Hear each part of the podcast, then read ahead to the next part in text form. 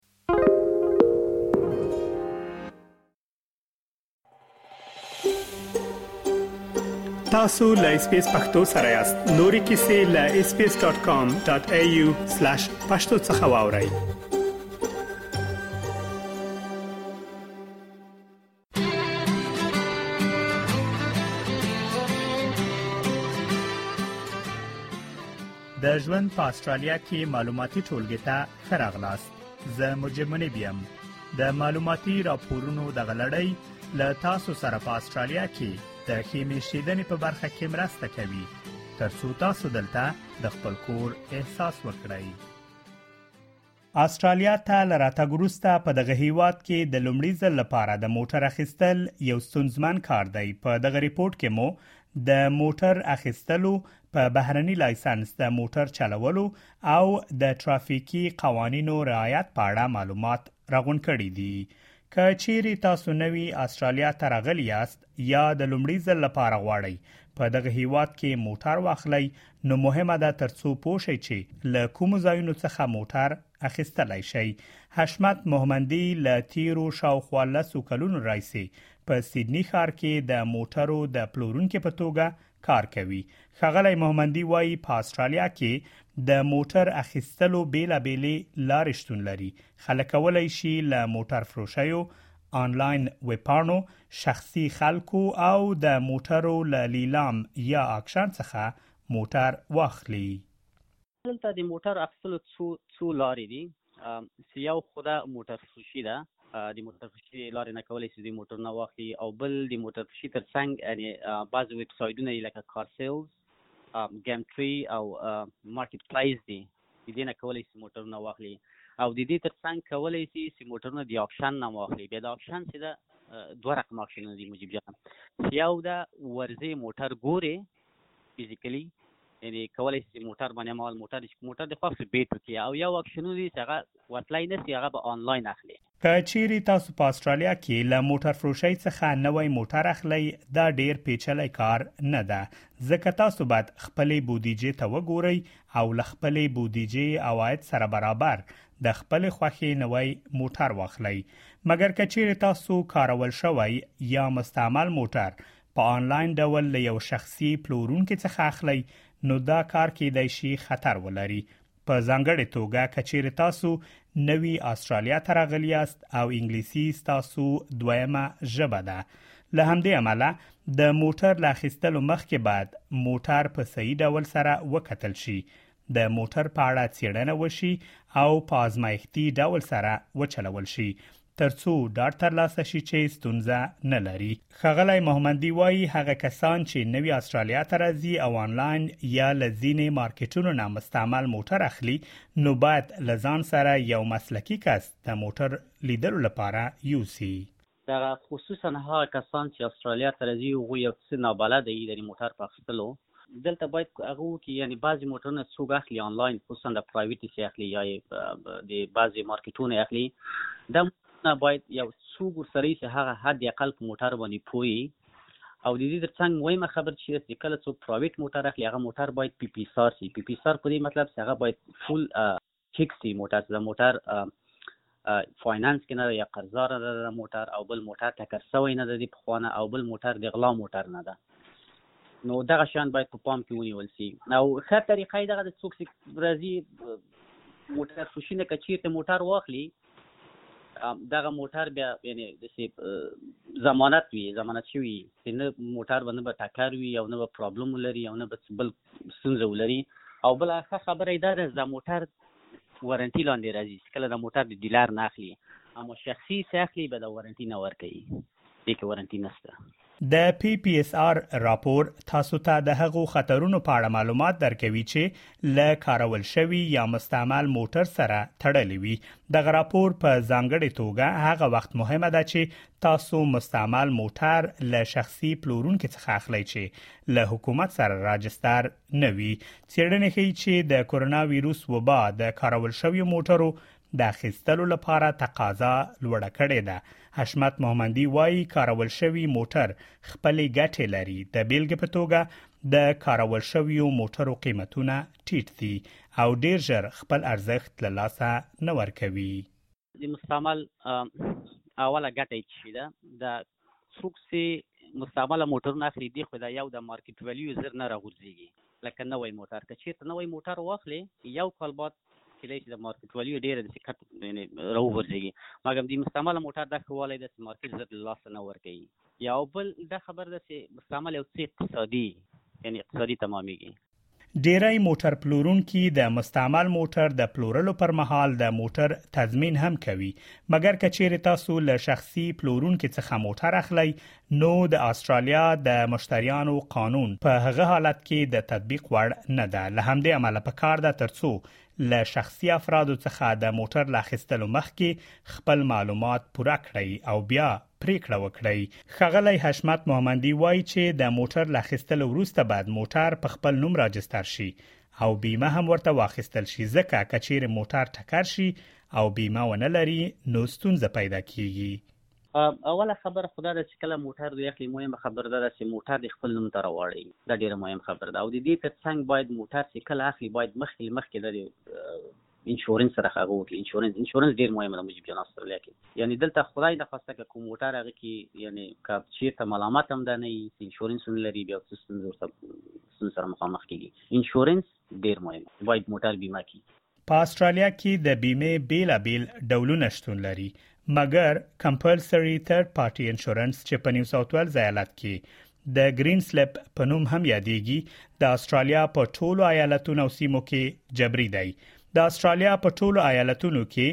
د سی ټي پی بیمه د موټر پر راجستر کې شامل ده ولی په نیو ساوت ورز ایالت کې تاسو باید لومړی دغه بیمه ترلاسه کړئ او تر هغه وروسته بیا خپل موټر راجستر کړئ دغه بیمه یوازې تاسو هغه مالی لګښتونه پر غاړه اخلي که چیرې ستاسو د ټکر پر مهال څوک ټپي شي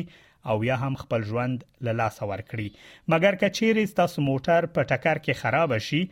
اور واخلي او یا هم د چاکور ته زیان ورسیږي د هغې لپاره د موټر د بیمه نور ډولونه شتون لري تاسو کولای شئ په دې اړه لا ډېر معلومات د مانی سمارټ له ویبپاڼې څخه ترلاسه کړئ په استرالیا کې د موټر چلولو پر مهال نه یوازې دا چې تاسو موټر باید راجستر وي بلکې تاسو باید د موټر چلولو لایسنس هم ولرئ د استرالیا په ډیریو ایالتونو او سیمو کې هغو کسانو ته په لومړیو دریو میاشتو کې د موټر چلولو اجازه ورکول کیږي چې بهرنۍ لایسنس لري آصف خان په ملبون ښار کې د وګړي مودې لپاره د موټر چلولو د لارښود په توګه کار کړی دی هغه وایي کله چې خلک نوي استرالیا ته راځي او غواړي دلته په لومړیو کې موټر وچلوي نو په کار د ترڅو د موټر چلولو نړیوال لایسنس له ځان سره راوړي ته راځي انټرنیشنل ډرایوینګ لایسنس دې واخلي دا هر یو ملک کې ملاویږي انټرنیشنل ډرایوینګ لایسنس مونږ چې استرالیا کې یو مونږ هم کولی شو چې انټرنیشنل ډرایوینګ لایسنس واخلو مثلا ټونټي ترټي ډالرز خرڅ کړئ پرې او بیا تاسو چې هر ملک ته لاړ شئ هلته کې تاسو څو ورځې هلته کې په موټر چلولی شئ که چیرې تاسو غواړئ پوه شئ چې آیا ستاسو ایالت او یا سیمه کې خلک کولی شي په بهرني لایسنس د څو میاشتو لپاره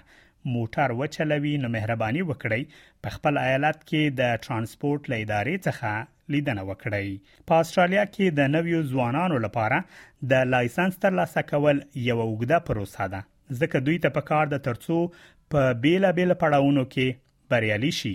او د موټر چلولو بشپړ لایسنس ترلاسه کړي خو هغه کسان چې له 15 کلونو لوی عمرونه لري او د کوم بهرني هیواد لایسنس هم لري نو کولای شي په لاندې مودې کې د موټر چلولو بشپړ لایسنس په استرالیا کې ترلاسه کړي د استرالیا په ټولو ایالتونو کې ترافیکي قوانين سره توپیر لري مګر خغلی خان په دې باور دی چې د استرالیا د ایالتونو ترمنځ شاوخوا 90 سلنه ترافیکي قوانين یو شان دي او لږ توپیر سره لري صحیح ده په ټولو سټیټونو کې دا مختلف دي خو داسې هم مختلف نه دي چې بیخي مختلف دي مختلف دي دا دي چې ته دوه موټرونه ټرن کوي چې چپ لاس ته تاو شي که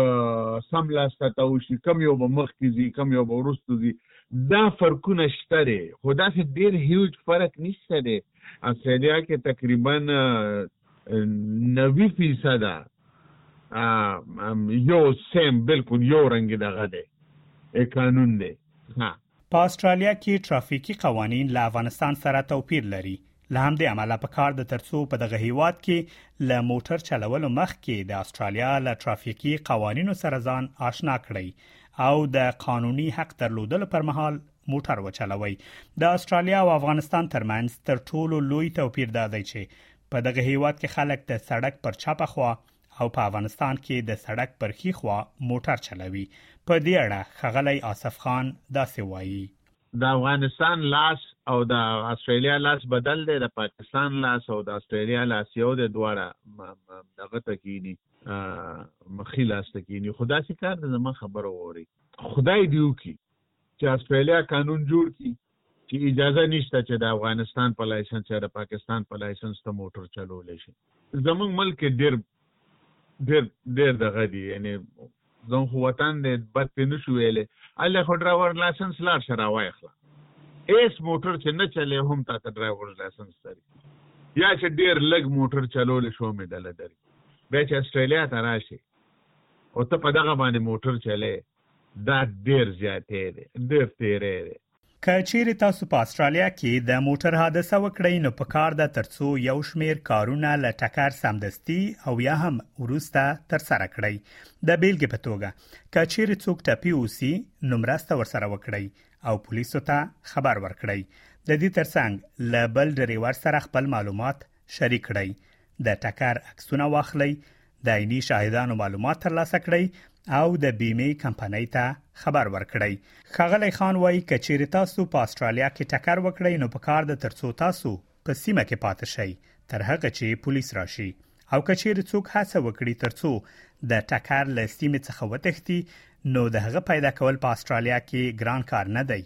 او پولیس به پیدا کړي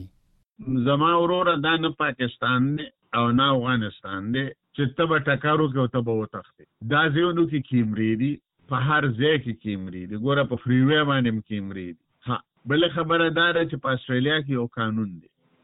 چی کله اکسیډنټ وشی او ته په سړک باندی ته ته ته ستا هیڅ کار ورسره نشته ته خپل یو موټر وانی روانی ته به ودریږی